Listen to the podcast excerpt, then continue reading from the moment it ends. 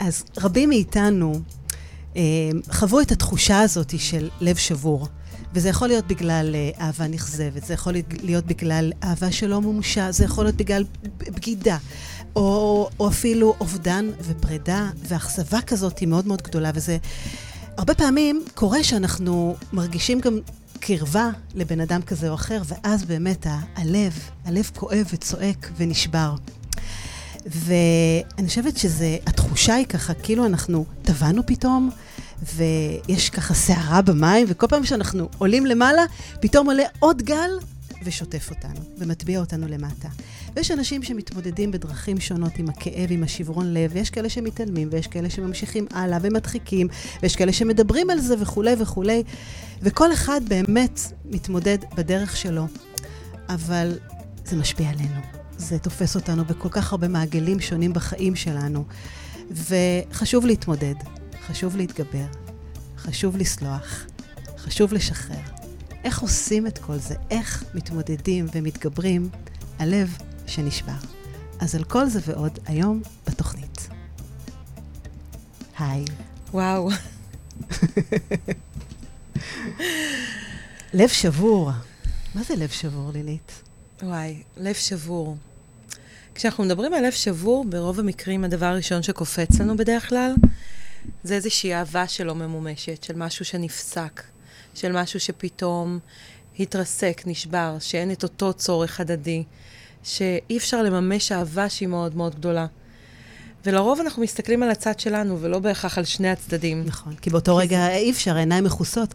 מה, זו תחושה כזאת של חוסר אונים. ממש ככה. שאין לך מה לעשות. זאת אומרת, המציאות נפלה עלינו, ואין לנו מה לעשות בכלל עם זה. ממש. Um, את יודעת, זה כמו משהו שנשבר לחתיכות. אני הרבה פעמים שאני פוגשת אנשים ו- ואני חווה ואני שומעת ומקשיבה לסיפור שלהם, אז אני, את יודעת, ממש רואה כמו, כמו פאזל כזה, שפתאום כל החלקים התנפצו, והכל ככה מפוזר על השטיח, וצריך להרכיב אותו מחדש. אכן. וזו תחושה לא פשוטה. Uh, אבל באיזשהו מקום, אני חושבת שגם הלב השבור הזה, זה כזה גם uh, מין uh, קריאה כזאתי, זעקה, תקווה, רגע, יש לי משהו ש, שקשה לי, שכואב לי, הצילו, בואו. אני צריכה לעזור לעצמי, מישהו אחר יכול לעזור לי. יש פה גם אחריות מסוימת. יש כאן אחריות גדולה. הרבי מקורצ'ק אמר כל הזמן שלב שבור הוא לב שלם. נכון. כי בגלל שכשאנחנו רואים את כל החלקים האלה, אנחנו פתאום יכולים להתבונן על הכל בצורה הרבה יותר מדויקת, על הדברים הטובים והפחות טובים. לעתים אנחנו אפילו עושים איזה שהם הכללות, של משהו אחד שהוא לא טוב באיזשהו קשר, ואז אנחנו מפרקים, mm. ופתאום כל החלקים האלה שנשברים לרסיסים, ואנחנו רואים שפה היה טוב ופה היה טוב, וכאן לא טוב. ולפעמים אנחנו עושים בדיוק את ההפך, אנחנו רואים בדברים טובים, לא טובים, ולהפך. יש את כל אלה שמדחיקים ורואים מערכות הרסניות כמשהו טוב, ויש כאלה שיש להם מערכת מדהימה. נכון. ומפילים אותה על דבר אחד. נכון. ואז כשהכול מתפרק, אפשר לרגע לשחרר, mm. ולהסתכל על כל דבר בצורה הרבה הרבה יותר מדויקת ולהגיד, אני רוצה לטפל, לא רוצה לטפל. זה דורש טיפול, אולי השד לא נראה כזה נורא. לפעמים אולי שווה לנו להילחם ולחזור, לפעמים אולי שווה לנו להבין ולשחרר. את יודעת, זה מדהים, כי, כי זה בעצם, ה, אני אומרת, בגלל זה הוא לב, של, לב שבור, הוא לב שלם. כי בעצם אנחנו חווים את הכל מהכל. הרי כמו שיש לנו יד ימין ויד שמאל, ואנחנו לא רק שמחים, גם אנחנו עצובים, אנחנו חווים את כל קשת הרגשות.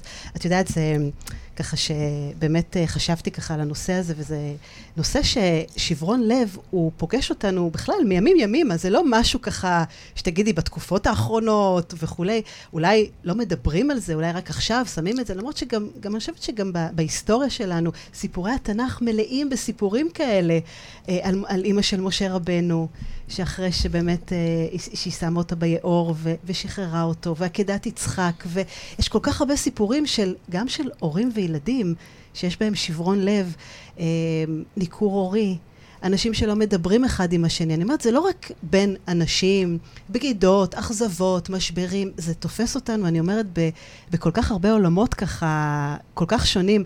אה, יש מושג מאוד יפה מהתנ"ך ש, שמדבר על הרופא לנשברי לב. זאת אומרת שגם אלוהים מרגיש ורואה את הדברים האלה. ואני קראתי פעם משהו ככה מאוד נחמד, שרבי נחמן מברסלב אמר ש-23 שעות ביממה אנחנו צריכים להיות שמחים, ושעה אחת תקדישו.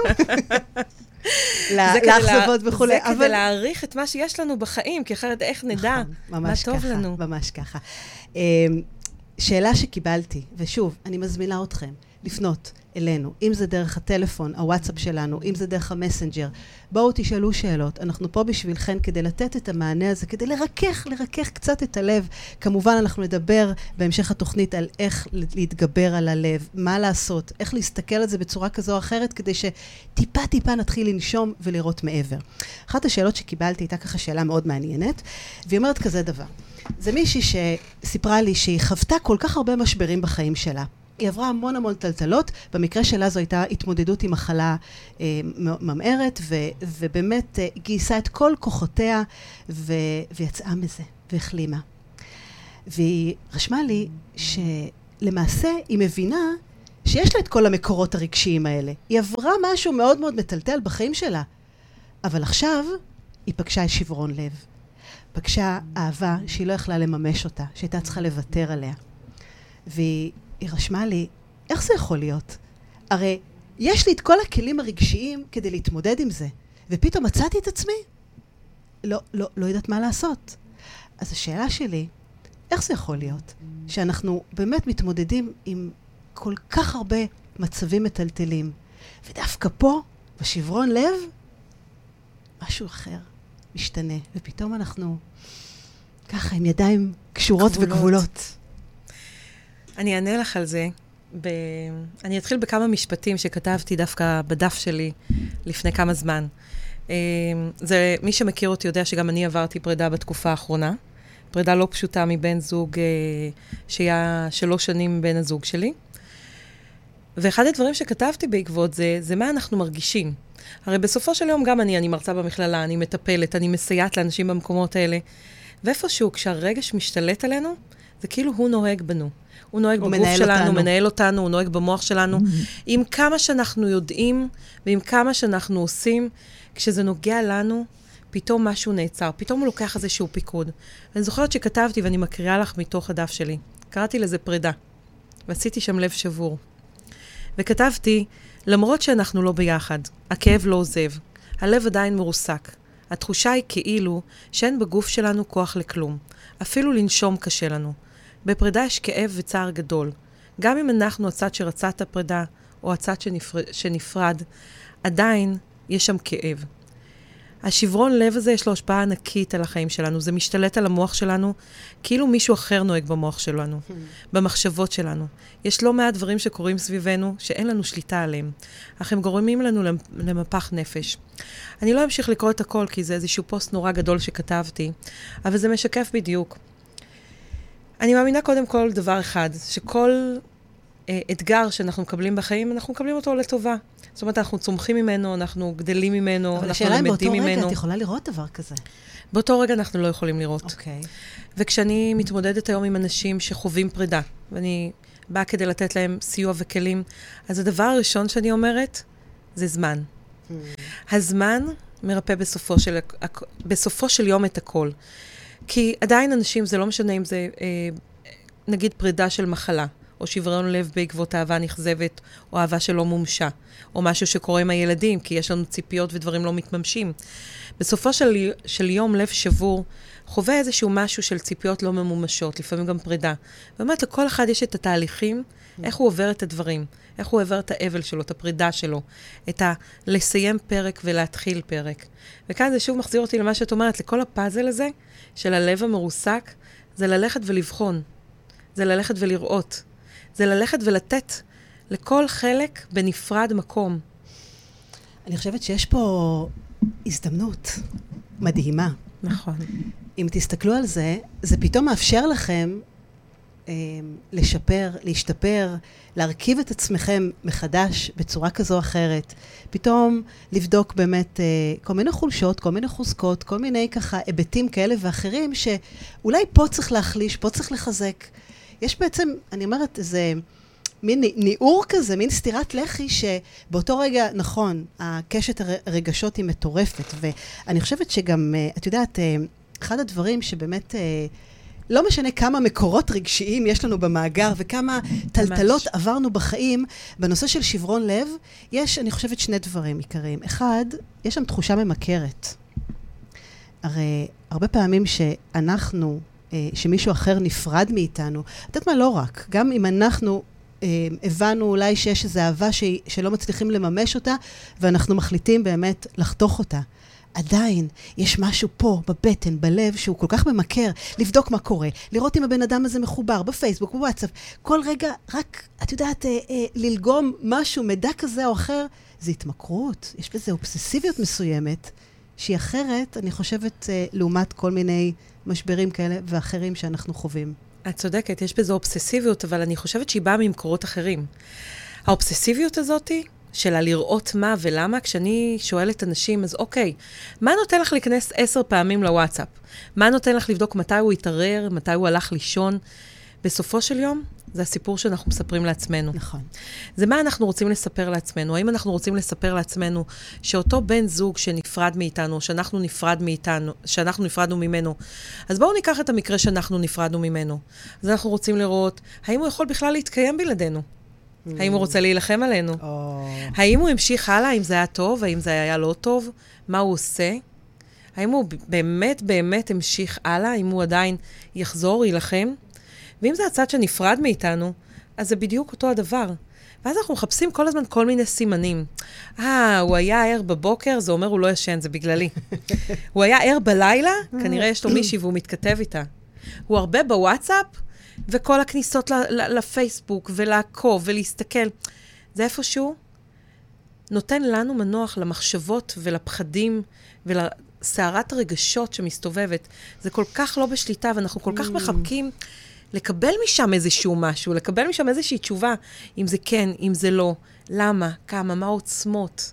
אני חושבת שזה יושב גם על צורך כזה שאני חשובה לו. שזה, גם, גם אחרי שנפרדים, זה לא אומר שלא אכפת לנו כבר מאותו בן אדם. והתחושה הזאת שלא אכפת לנו מאנשים מסוימים, או שמישהו לא אכפת לו ממנו, היא מאוד קשה וכואבת, אז אנחנו מחפשים משהו להאחז בו כדי שהוא יהיה שם. מה תגידי למישהו שבאמת כל כך אובססיבי, ובאמת חווה עכשיו פרידה קשה, ושברון לב מאוד מאוד גדול, וכל יום נכנס לוואטסאפ, נכנס לפייסבוק, לאינסטגרם, בודק מתי הבן אדם מחובר, בדיוק כמו הסרטים שאת אמרת לו.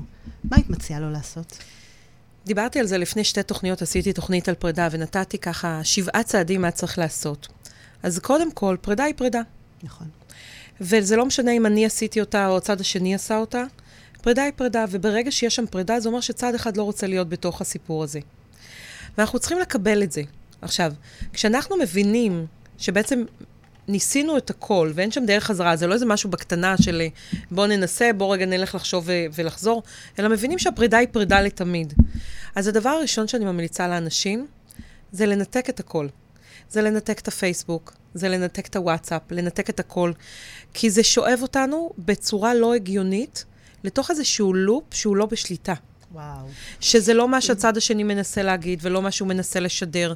כי אם אנחנו רוצים לדעת מה הצד השני רוצה, אז נשאל. Mm. אבל לנסות להסיק את זה, כי הוא עשה לא לייק להיא, לא והוא עשה לייק. אבל אנחנו קודם כל חייבים לשחרר, mm. כי ההתמודדות היא שלנו פנימה. אוקיי, אוקיי. את יודעת, זו אחת השאלות שגם קיבלתי. האם כדאי להישאר בקשר אחרי שנפרדים? אחרי שמישהו פגע בי, היה פה שברון לב מאוד מאוד גדול. האם כדאי להישאר בקשר? או יותר מזה, אה, מישהו כתב אתמול, כתב לי אתמול שבאמת אה, אה, הוא נפרד ממישהי, והיא רוצה להמשיך להיות איתו בקשר. מה לעשות? אז קראתי איזה מחקר אתמול בלילה שמדבר על uh, זוגות שנפרדו. אוקיי. Okay. וקודם כל, את אומרת כן להיות בקשר, לא להיות בקשר. אם נפרדים, אז נפרדים, כי בסופו של יום, כשאנחנו uh, נשארים בקשר, אנחנו מאמללים את שני הצדדים, ובעצם מה שאנחנו רוצים לא מתקיים. זה איזושהי פיקציה של uh, נוחות, של כן נעים, לא נעים, של איך ולמה וכמה, ולא בהכרח תמיד זה אומר ומסמן של לחזור ולהיות ביחד. אבל קראתי מחקר שאומר שמעל 50% מהזוגות שנפרדים, גם מקיימים יחסים אחרי הפרידה. כאיזשהו משהו של תקווה של אולי נחזור, אולי נהיה שם, אולי נהיה נוכחים, אולי ירצו אותנו חזרה. ואני אומרת, עדיף שלא, עדיף לא להיות בקשר.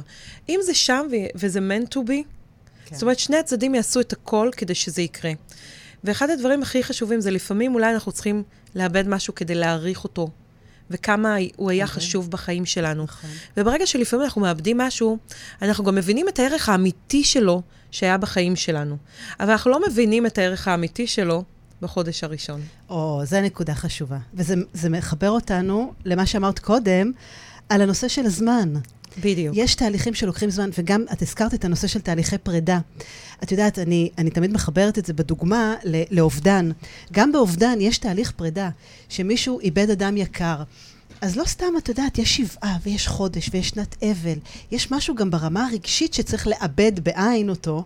גם אנשים שבאים אליי שבועיים, שלושה אחרי אובדן מאוד מאוד גדול, אני לא יכולה להתחיל תהליכים רגשיים, זה עדיין מאוד מאוד טרי. יש פה משהו שבאמת צריך עוד, עוד, עוד רגע לנשום אותו, להכיל אותו, לקבל אותו, להבין אותו, כמה שהוא כואב. וכן, זה כואב.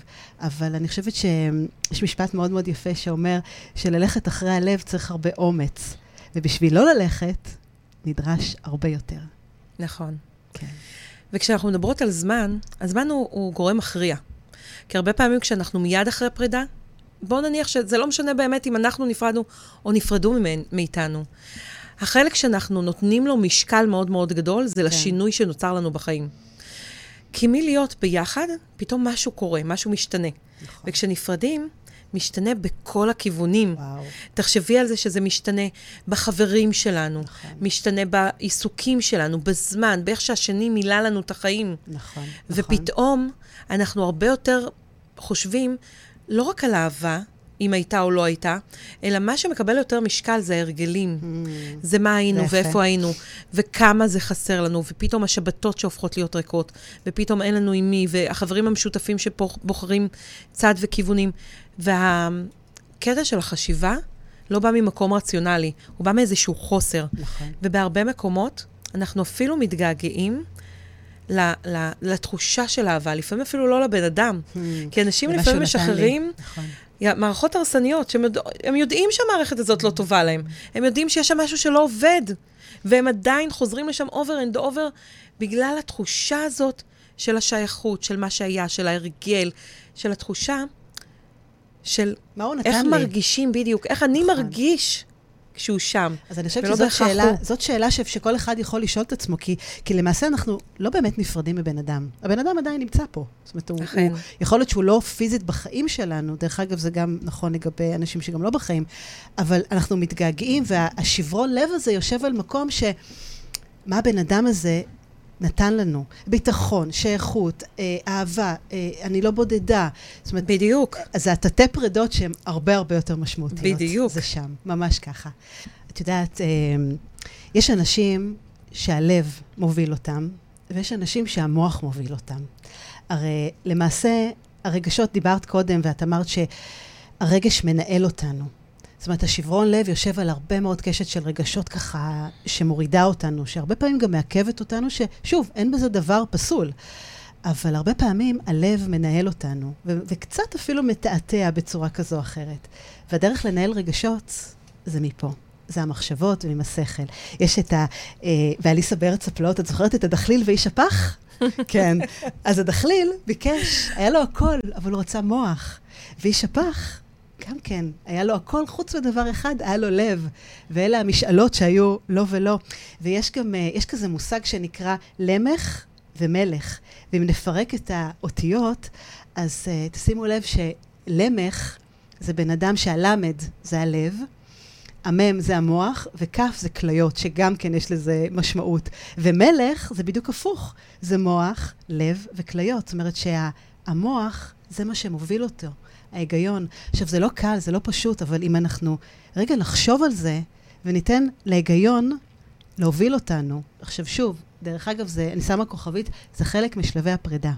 השלב השלישי הוא מאבק, שאנחנו בטח ניגע בו יותר מאוחר, אבל, אבל זה בדיוק שם, כי המוח צריך להוביל אותנו, ולהבין באמת, כמו שאת אמרת, מה למדנו, איך אנחנו יכולים להתפתח, איזו הזדמנות אנחנו יכולים לקחת מתוך כל מה שאנחנו עברנו. המוח הוא הכל. המוח זה המערכת המרכזית שלנו שמפעילה את הכל. כן, הרבה פעמים קשה לו להשתלט על הרגשות, נכון. כי זה קופץ.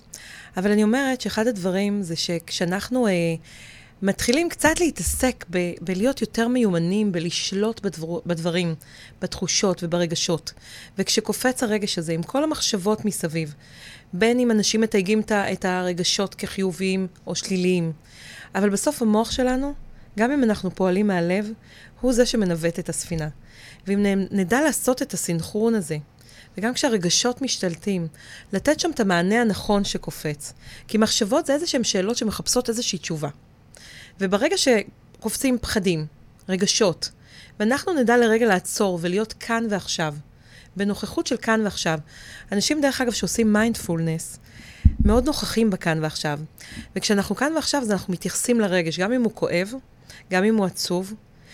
ברגע שאנחנו נותנים לו מקום ומשקל, אנחנו יכולים להתמודד איתו. וברגע שאנחנו לא כאן ועכשיו, אנחנו, כל מה שמוצף לנו בכאב זה מה היה, מה יהיה, למה, כמה, אנחנו לא נותנים לו מקום. Mm-hmm. והמקום הוא לתת מקום לכאן ועכשיו. לגעת ברגש, גם אם עצוב לנו, גם אם כואב לנו, גם אם שמח לנו, גם אם מאושר. לעצור לשנייה ולתת לזה מקום, לחוות את הרגש הזה. הוא בא לתת לנו משהו. ואני אומרת שגם כאב כשהוא עולה, הוא בא לסמן לנו משהו. בנו. ביכולות שלנו, בהתמודדות שלנו, בכלים שיש לנו, בעוצמות שיש לנו, לחוות את זה. אנחנו צריכים להודות על כל רגע שצף בנו. יש את המשפט שדיברנו עליו ככה לפני השידור, שהרבה פעמים מצ... דברים מסתיימים כי משהו אחר מוכן להתחיל עכשיו, מחדש. ודיברת הרבה על הרגשות, ואני חושבת שזה לגמרי מקום שקודם כל בוא, בוא נבין מה אנחנו מרגישים. בוא נקרא לילד בשמו. הרי כואב לי הלב, אני עכשיו שבור, שבור לרסיסים, סיסמאות כאלה. אבל בואו נחשוב רגע, מה, מה באמת אנחנו מרגישים? בואו נקרא ל, לילד בשמו וניתן לו שם, ונדע איך להתמודד איתו. ואני חושבת שפה כבר אנחנו ככה קופצות ל, לאיך, איך מתמודדים ומתגברים על שברון לב. כי באמת הניהול רגשות, או ההכרה והקבלה, זה, זה אחד הדברים ש, שכבר מתחילים ככה להכניס אותנו לתהליך כזה או אחר. אמ, אחד הדברים שכשאני פוגשת אנשים באמת עם, אה, עם שברון לב, וזה יכול להיות מאהבה נכזבת, וזה יכול להיות ממקום של באמת אהבה שאין סיכוי שהיא תתממש, ושני אנשים אוהבים אחד את השני ומעריכים ומוקירים, אבל ברגע הנתון, בזמן הנוכחי, לא יכול להיות שום דבר ביניהם. אמ, עכשיו, הרבה פעמים הפרידה היא מאוד מאוד כואבת, היא מאוד חותכת, היא אפילו בלי הסברים. אפילו אנשים נעלמים, אפילו אנשים פוגעים, אומרים דברים כאלה ואחרים. לפעמים זה מגיע לבתי משפט ולמקומות כל כך אכזריים, ואתם אומרים, רגע, הבן אדם הזה חי איתי כל כך הרבה, ונתן את כל ליבו, ושיתפתי אותו ברגעים הכי הכי קסומים, ומה קרה פתאום? איך הכל נהפך? ואהבה ושנאה הם ככה, הן קרובות אחת לשנייה, לגמרי. ואחד הדברים שאני עושה, אה, אני אומרת, בשלב הראשון, כדי, קודם כל, טיפה-טיפה לרכך. אתם מכירים את זה שיש את הדף הלבן ויש לו נקודה שחורה, ובאותו רגע אנחנו רואים רק את השחור, ורואים רק את הכאוס ורק את הבלבול. אז אני אומרת, אחד הדברים שאני ככה מנסה לאתר מול אנשים שבאמת חווים שברון לב, ואני מציעה לכל אחד ואחת מכם באמת לעשות את זה, זה לחשוב על איזה חוזקה, על איזה כישרון, על משהו אחד טוב שיש בכם. ויש, יש יותר מאחד, יש המון, יש הרבה. ו... אני אומרת, זה לא, זה לא להתעלם, זה לא להדחיק לפינה, אבל רגע, שנייה, טיפה, טיפה, טיפה להפחית את, ה, את העוצמה הזאת, כדי שנוכל לנשום קצת, כדי שנוכל לראות מעבר. את יודעת, הייתה לי מישהי, בחורה מדהימה, שבאמת חוותה... חוותה סטירת לחי מאוד מאוד קשה ו- ו- וסיפור ככה אה, עוצמתי, והייתה בטוחה שעוד רגע הם עומדים מול החופה וכולי, ו- ולא הבינה איך היא לא קראה את, ה- את הדגלים האדומים שהיו. ואחד הדברים שבאמת אה, גילינו ביחד, שיש לה כישרון כתיבה מדהים. היום היא כבר כותבת את הספר השני. עכשיו, כשהתחילה להתעמק בזה, אז פתאום היה גם אפשר לטפל בכאב ולהתמודד איתו. מה את אומרת? שאת מדהימה. אני כל כך אוהבת להקשיב לך, אני תמיד שומעת את, ה, את התוכנית של חדי. היא נמצאת אה, שעה לפניי, היא משדרת שעה לפניי, ואני תמיד יושבת בחוץ ושומעת ככה ב- בלובי את, את התוכנית שלך, ואני יכולה ככה להסתכל עלייך שעות כשאת מדברת, וזה לא משנה כמה למדתי וכמה אני מעבירה אנשים תהליכים. כשאני מסתכלת עליך, אני אומרת, וואי, זה מדהים. אבל אני אתייחס למה שאת כן, אומרת. כן. אז ככה. כשאני מעבירה אנשים כל מיני תהליכים, גם זוגות שרוצים להיפרד, להתגרש, משברים וכל מיני מקומות כאלה, אז זה נכון. אנחנו מגיעים למצב שהוא מאוד מאוד נמוך, כי הרבה פעמים הפרידה פתאום מגדירה אותנו. ואנחנו פתאום, אם נפרדו מאיתנו, אנחנו מרגישים פחות טובים ולא שווים, ואיך עזבו אותנו, ואיך לא ראו את כל הטוב שבנו, ואיכשהו גם האנרגיות שלנו יורדות בהתאם.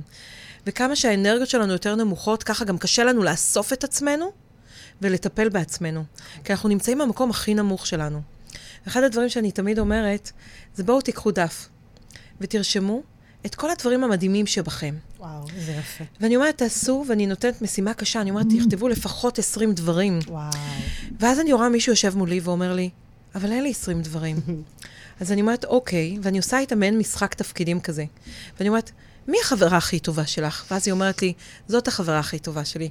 ואני אומרת, אם עכשיו הייתי מתקשרת לחברה הכי טובה שלך, מה היית מספרת לי עלייך? מה היא הייתה אומרת לי?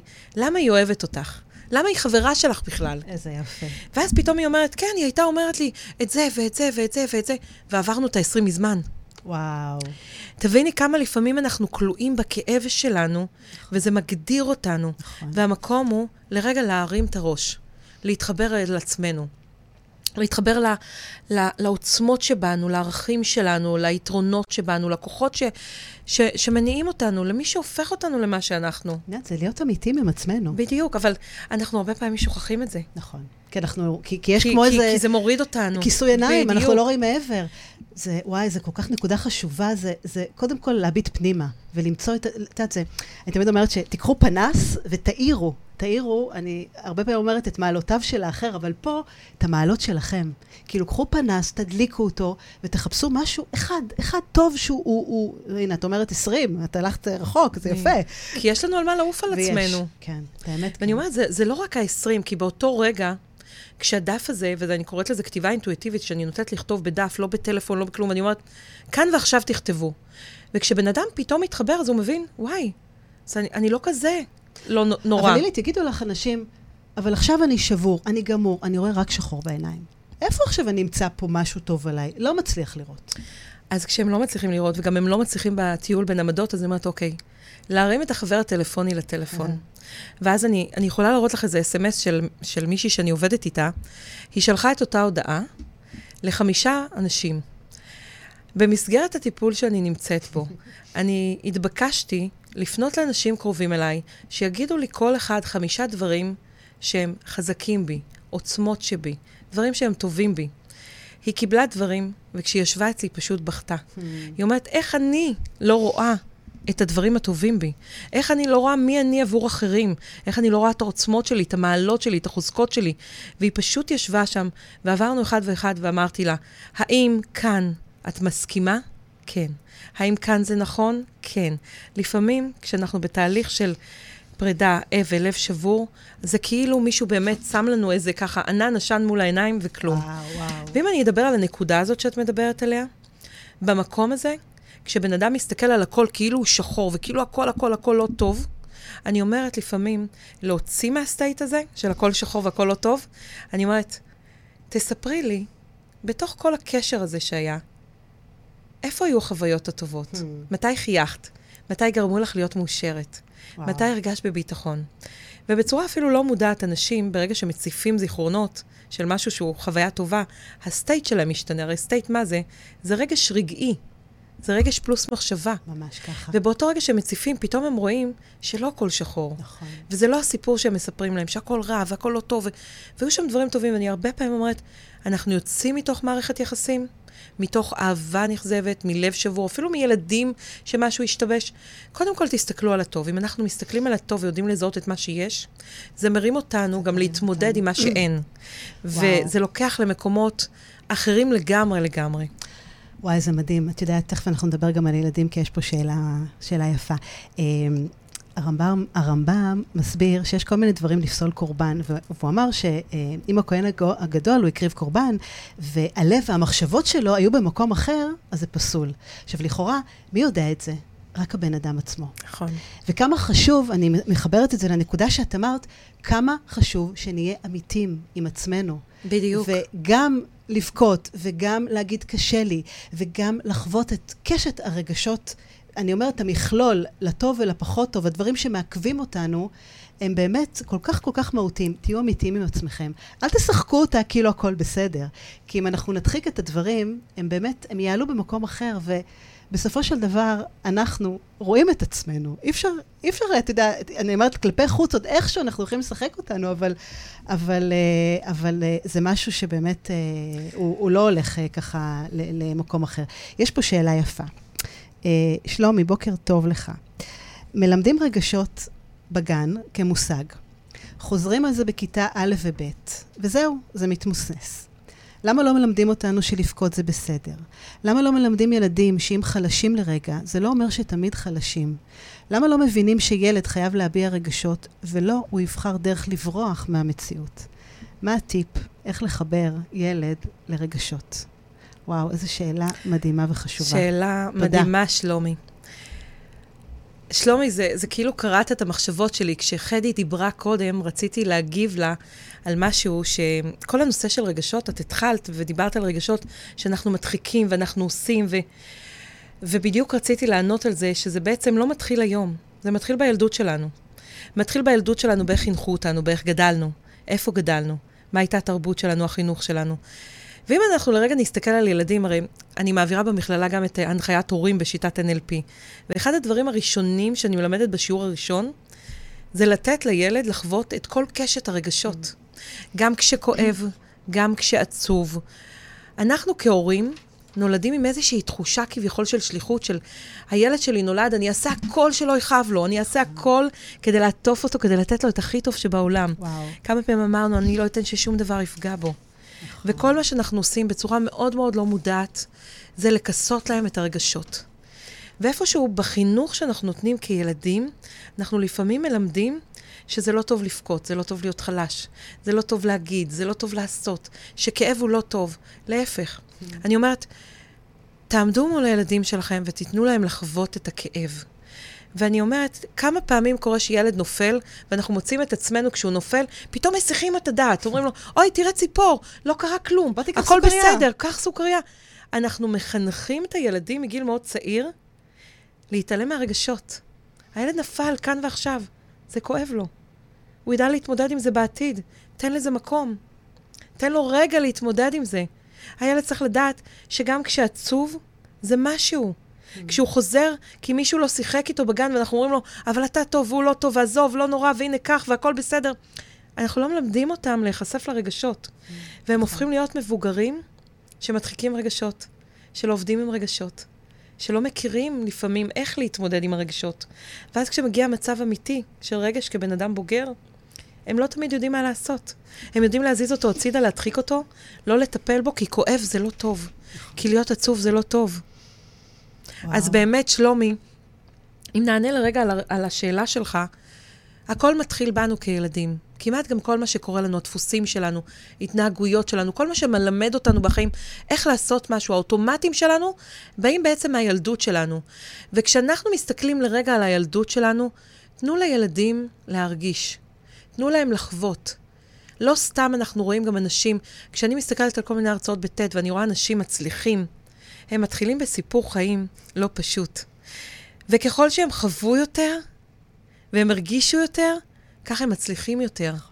אנחנו בלי נשים לב, מקצצים לילדים שלנו את הכנפיים. ואחד הדברים שתמיד כשאני מדברת על זה, עולה לי המשל הזה של הילד עם הגולם. של הסבא, שבעצם נתן לנכד שלו גולם בתוך קופסה. ואמר לו, לא משנה מה יקרה ומה תעשה, אתה לא עוזר לפרפר הזה לצאת מהגולם. הוא צריך לצאת לבד. ועובר יום ועוברים יומיים, והנכד מסתכל על הגולם בקופסה, והגולם מתחיל לזוז, וזה זז, והוא רואה אותו מנסה לצאת משם. ואחרי היום השני הוא נשבר. הוא בא לגולם והוא פותח את הגולם, והוא עוזר לפרפר לצאת. והפרפר יוצא, והוא מנסה לעוף, והוא נופל והוא מת. והוא פונה לסבא בבכי ואומר לסבא, סבא, הפרפר מת.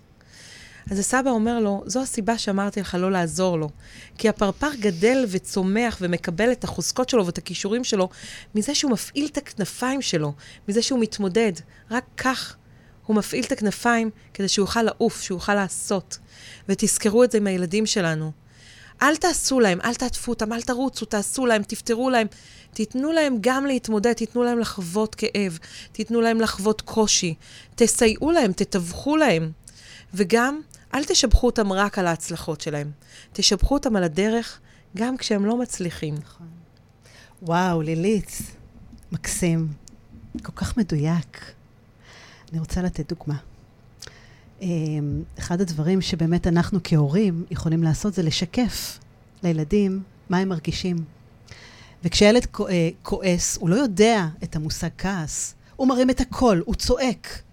והרבה פעמים זה בא לידי ביטוי באיזה מעשה כזה או אחר. שהוא לא רוצה עכשיו לעזור לנו, הוא לא רוצה עכשיו לערוך שולחן, הוא עכשיו לא, לא יתחבר עכשיו לזום. זאת אומרת, זה בא לידי ביטוי באיזה מעשה. ומה אנחנו כהורים באוטומט עושים? ישר שופטים. ישר באים וצועקים, תקשיב, זה לא בסדר, מה עשית וכולי. רגע, שנייה. ואז בכלל מתחיל פה ויכוח כזה או אחר. אז להגיד, כן, אני מבינה שאתה כועס. בדיוק. כן, אני מבינה שאתה כועס. זה נותן לגיטימציה לילד להרגיש, קודם כל לדעת מה, מה הוא מרגיש. בדיוק. זאת אומרת, לתת לילד, לקרוא לילד ה, ה, לרגש בשמו, לא רק לילד, גם כן. לרגש. להגיד לו, הנה, עכשיו אתה חווה כעס, עכשיו אתה חווה געגוע. הרבה פעמים אה, אה, אני יכולה לספר שאבא שלי נפטר בשנה האחרונה, והרבה פעמים הילדים שלי יש באמת אה, כל מיני נקודות ציון של געגועים. ושל באמת קשת רחבה של רגשות שפתאום באה לידי ביטוי וכולי, ו, ולתת לזה מקום, בטח שלא לחנוק את הדבר הזה. כן, מותר להתגעגע, מותר להיות עצוב, חשוב להיות עצוב. כן, בוא נבכה ביחד, זה משחרר, זה לא הופך אותנו לפחות טובים, חזקים, להפך. אני חושבת שגם אנחנו כהורים, ברגע שאנחנו נראה לילדים מה אנחנו מרגישים, ונגיד, כן, היה לי היום יום לא פשוט, התמודדתי עם ככה וככה, הם יראו אותנו כאנושיים. אז אני אומרת שלנו כהורים יש פה תפקיד מאוד מאוד חשוב, ב, אני אומרת, אה, אה, בהעברה, כמו שאת אמרת, השם של הרגש, או יותר מזה, אפילו גם לשאול אותם, הרי רגש, מה זה רגש? רגש מרגישים אותו בגוף. בוא נשאל אותם, מה את מרגישה עכשיו? לילית, מה את מרגישה עכשיו? אני נרגשת. איפה את מרגישה את זה בגוף? אני מרגישה את זה פה. מה, בלב? כן.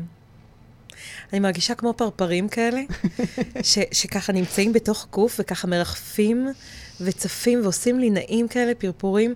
אני שומעת אותך מדברת, ואני שומעת את השאלות, ואני יודעת שאנחנו עושות משהו טוב. כן. אז זה גורם למין אושר כזה, לכיף כזה, להתרגשות כזאת, שאני אומרת, אם הצלחנו לעזור למישהו, או להוריד איזו תובנה, או לתת איזשהו כלי, עשינו את שלנו בעולם. וכשאני מסתכלת עלייך, אני כל הזמן נמסה ומחייכת, מה אני אעשה? אז אני אומרת, אחד הדברים שבאמת, איך אנחנו מתמודדים, איך אנחנו מתגברים על לב שבור, אז דיברנו באמת אה, להאיר את המעלות שלנו. אם זה אנחנו כלפי עצמנו, לקחת איזה חוזקה אחת, ואם אנחנו לא מצליחים לעשות את זה אה, בעצמנו, אז בואו נעזר בחברים, באנשים הקרובים אלינו, בואו נשאל את השאלות, שייתנו לנו באמת איזו נקודת אור על עצמנו, ובואו נאחז בה, כדי לרכך טיפה-טיפה את הלב.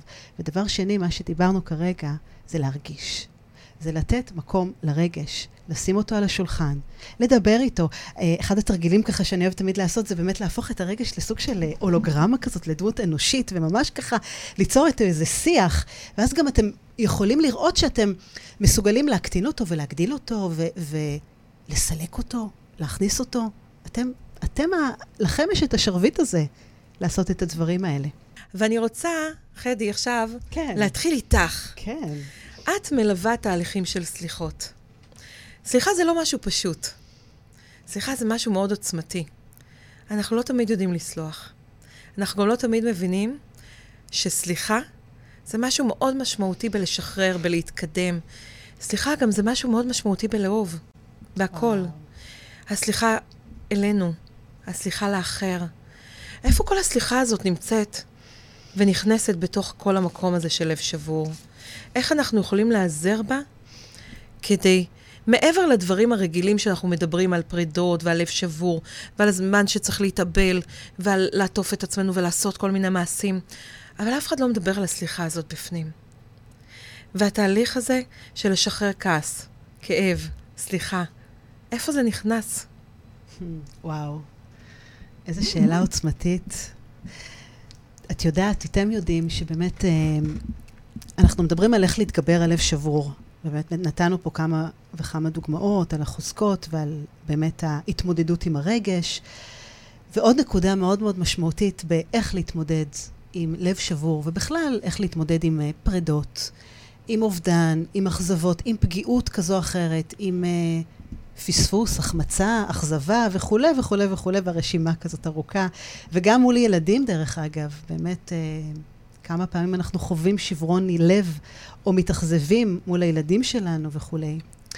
והסליחה תופסת פה באמת אה, מקום מאוד מאוד חשוב ומאוד אה, משמעותי. אה, אבל אני רוצה לקחת אותה למקום אחר, כי לסלוח לאחר, תכף נדבר על זה. זה לא פשוט. מישהו שבר לי את הלב, למה אני צריכה לסלוח לו? אז רגע, נדבר רגע על זה. אני מדברת על הסליחה העצמית, שלנו בדיוק. מול עצמנו, כי שם זה מתחיל. והסליחה הזאת, אני בטוחה שחלקכם ששומעים ככה, פתאום ככה חושבים ואומר, על מה אני צריך לסלוח לעצמי? הרי מישהו פגע בי, שבר לי את הלב, גמר לי את החיים, החריב את עולמי, על מה את מדברת בכלל? איך אני מסוגל לסלוח בכלל? איך, מה, מה הקשר אליי? אז נכון, על פניו ההיגיון פה מאוד, אה, מאוד, אתם צודקים. אבל הסליחה הזאת, היא מדברת על הסליחה שאנחנו מסתכלים פנימה אלינו. סליחה שהתמסרתי כל כך? אולי סליחה שבטחתי כל כך? אולי סליחה שעכשיו יש לי כאב כל כך כל כך גדול, שאני עוצרת את החיים שלי. אני פוגעת בעצמי. אני לא הולכת לכל מיני מקומות שאותו בן אדם ששבר לי את הלב לא הולך. אני לא נכנסת לפייסבוק כי אני מפחדת לראות משהו שהוא העלה, או לראות איזו תמונה שאני לא אצליח להתמודד איתה. אני עוצרת את החיים שלי. אני לא קמה מהמיטה בבוקר, כי לא בא לי להתחיל את היום. אני חסרת מוטיבציה. ותתעוררו, אנשים, זה החיים שלכם בסופו של דבר, לא של אף אחד אחר. וכן, התחושות הן לא פשוטות, ולכן הסליחה הזאת זה תהליך. זה לא משהו שככה בלחיצת כפתור אפשר לעשות אותה. אבל אני חושבת שהדבר הראשון זה באמת ההבנה הזאתי, שקודם כל אנחנו צריכים להסתכל פנימה, ולהרגיש מה שאנחנו מרגישים, ולסלוח לעצמנו, ולהבין שאת הכאב הזה, אנחנו, תמיד תמיד הוא יהיה איתנו.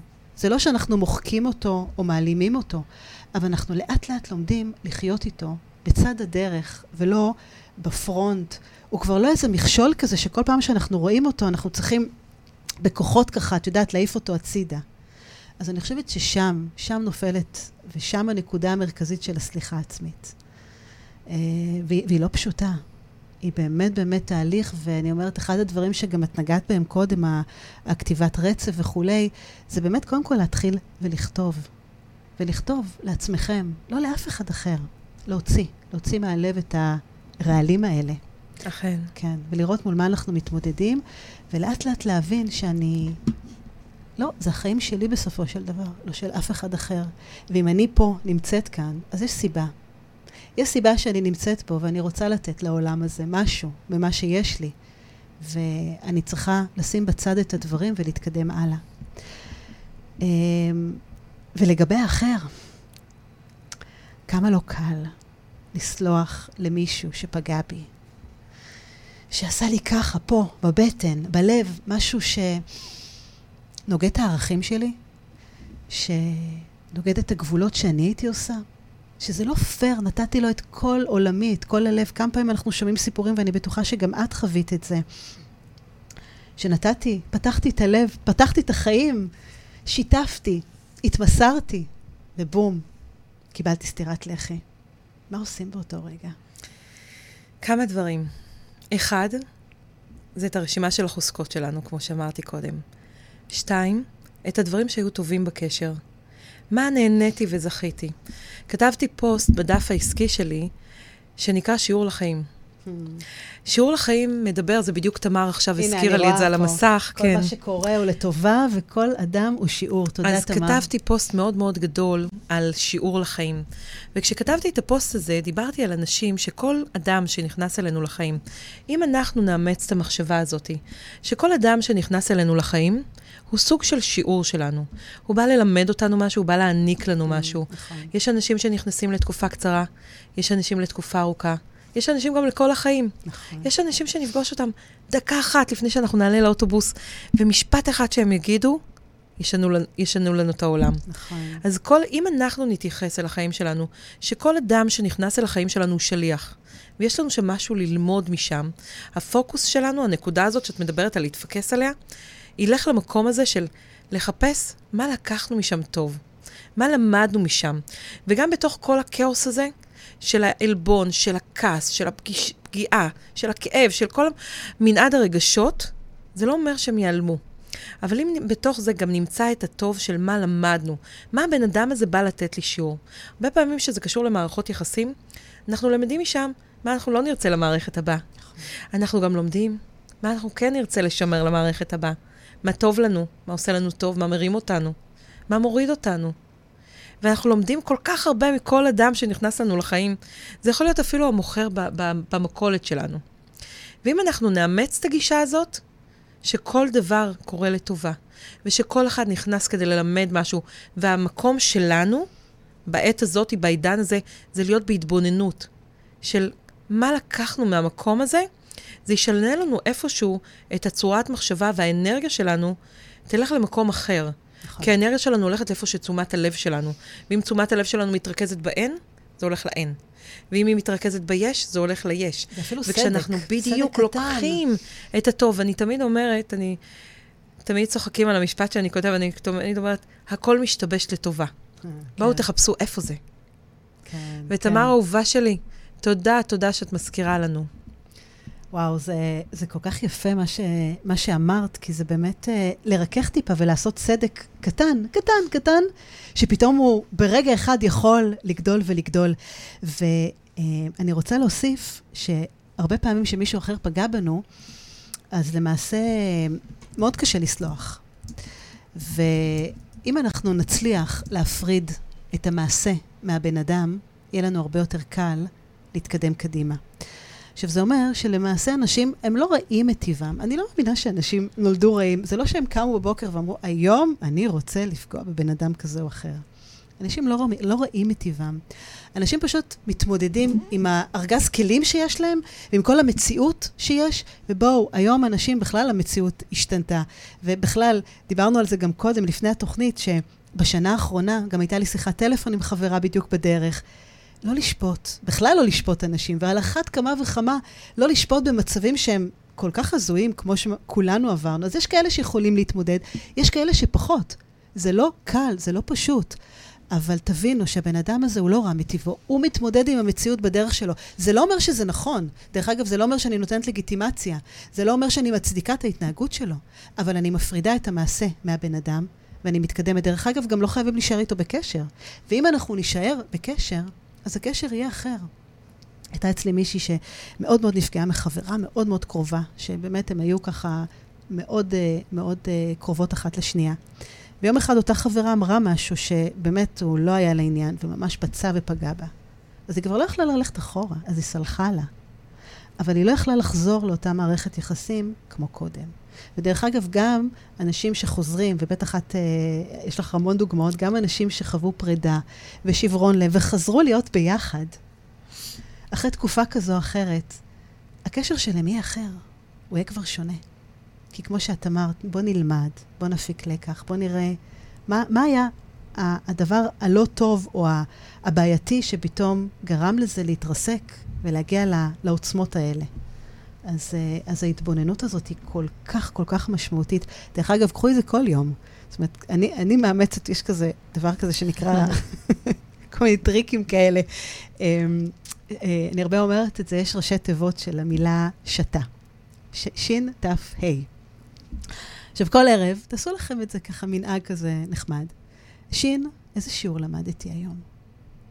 כל אחד לומד משהו, כמו שאת אמרת, מכל בן אדם ברחוב, מהבן אדם בכניסה לקניון, שומר בכניסה, בחניון, לא משנה ממה.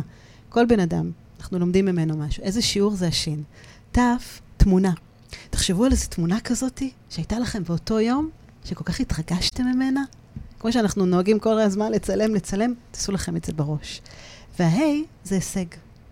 איזה הישג היה לי היום. ואם אנחנו מלקטים את שלושתם ביחד, אז אנחנו יכולים באמת להעיר באלף על עצמנו, גם בעין את האמת, ולהתחיל לפתח גישה קצת קצת חיובית על החיים שלנו. כמה שזה נכון, אני מאמצת. תמר פה רשמה, אה, אני לא מסכימה שזו התמכרות כל עוד הלב אוהב, אנחנו מחפשים אישור לזה שהוא שם, שהוא אולי יילחם עלינו. לבדוק האם להמשיך. אוקיי. אמרתי לך תמיד שאנחנו... שאנחנו בטח... טוב, אז תראי, מבחינת ההתמכרות, שוב, את יודעת, יש עוצמות. זה לא חייב להיות התמכרות, נכון? אין ספק. וזה יכול להיות באמת, כמו שאת אומרת, במקום הזה שאני רוצה רק לחפש איזה... זה קיק קטן של תקווה, שעדיין הבן אדם הזה נלחם עליי. אבל כמו שלילית קודם אמרה, אם אנחנו נפרדים, אז נפרדים. אז אנחנו חותכים. כי אחרת, הפתח פה שואב אותנו, כמו איזה מגנט, למשהו שהוא עלול להזיק לנו. וההתמכרות היא, היא יכולה להיות בעוצמות שונות. אנחנו לא מדברים פה, שוב, תקחי ממש סרגל מ-1 עד 10, וברגע שאנחנו לא מוכנים לשחרר את החבל הזה, אז יש בזה משהו ברמה של אה, רצון עדיין להישאר שם. אז אולי אפשר לקרוא לזה בשם אחר, אבל, אה, אבל יש בזה מידה מסוימת. מה את אומרת? אני חושבת שאת צודקת, ואני חושבת שלמדתי ממך היום עוד דבר אחד חדש, כשהיינו בחוץ לפני שנכנסנו. דיברנו בדיוק על מה שתמר כותבת כאן. היא כותבת, כל עוד אוהבים, צריך להילחם ולא לוותר מהר. לשחרר רק ברגע שאתם יודעים שעשיתם הכל. שניסיתם הכל ורק אז לשחרר. וואו. אני חושבת שאחד הדברים שלמדתי ממך היום בחוץ, כולנו רוצים שיילחמו עלינו. אחד הדברים שלמדתי, זה קודם אנחנו צריכים להילחם על עצמנו. וזה אומר שביום שאנחנו יודעים להעריך את עצמנו במדויק, מי אנחנו ומה אנחנו, אנחנו לא צריכים שמישהו אחר יגדיר אותנו מה אנחנו שווים. והציפייה שלנו שמישהו יילחם עלינו כדי להגדיר את עצמנו, אנחנו צריכים שוב לחזור להתבוננות הפנימית שלנו, עוד לפני שאנחנו מצפים שמישהו יגיד שאנחנו שווים פחות או יותר. וואו, בוא נחבר את זה לשברון לב. ממש. כמה זה חשוב. כן. כמה שאנחנו, שנשבר לנו הלב, אז אנחנו לא רק חווים את התחושה הזאת של הפרידה, של מה שהבן אדם העניק לנו, אנחנו חוש... חווים תחושה כזאת ש... מה, לא אכפת לו ממני כבר? מה, הוא לא חושב עליהם? מה, הוא התקדם הלאה? כל מה שעשיתי בשבילו. נכון, נכון. כל מה שהייתי בשבילו. וואו. אבל אני אומרת, שבגלל זה אני אומרת, שצריך, כשיש פרידה, ואחד הדברים שאני אומרת גם, זה תכתבו גם את הדברים הלא טובים, שיהיו מול העיניים. כי יש לנו נטייה בחלק הראשון קצת לעוות את המציאות. Mm. קצת לראות את הדברים אחרת. נכון. ו- וגם אם אנחנו, לדוגמה, נפרדים מבן זוג, כי היו שם הרבה דברים לא טובים, או מערכת יחסים הרסנית. אני מתייחסת בדרך כלל במקום הזה למערכת יחסים הרסנית. אהבה יש שם. אני לא יכולה להגיד שאין אהבה. אנחנו לפעמים נפרדים למרות אהבה. והלב שלנו נשבר, כי יש כאן איזה קונפליקט ענקי שמצד אחד אתה מאוד מאוד מאוד מאוד אוהב, מצד שני אתה מבין שזו מערכת יחסים הרסנית שהיא לא משרתת אותך ולא תורמת לך. וואו. ואז בש... בחלק הראשון של הפרידה, כמו שאמרתי, אם אתה משאיר את הצור הקטן הזה, שנכנס דרכו, אנחנו מתחילים לעוות את הכל. אנחנו פתאום מעקמים קצת את הדגלים ואת כל התמרורי האזהרה שיש שם. ופתאום אנחנו מנסים להאחז בכל מיני דברים. ופתאום, גם אם הוא נלחם, אז זה מגדיר אותנו ו- ואומר כל מיני דברים, ואנחנו מפרשים כי משהו אחר מנהל אותנו. ולרגע אני אומרת שדווקא במקומות כאלה תעשו את כל הרשימה הזאת של כל הדברים הלא טובים.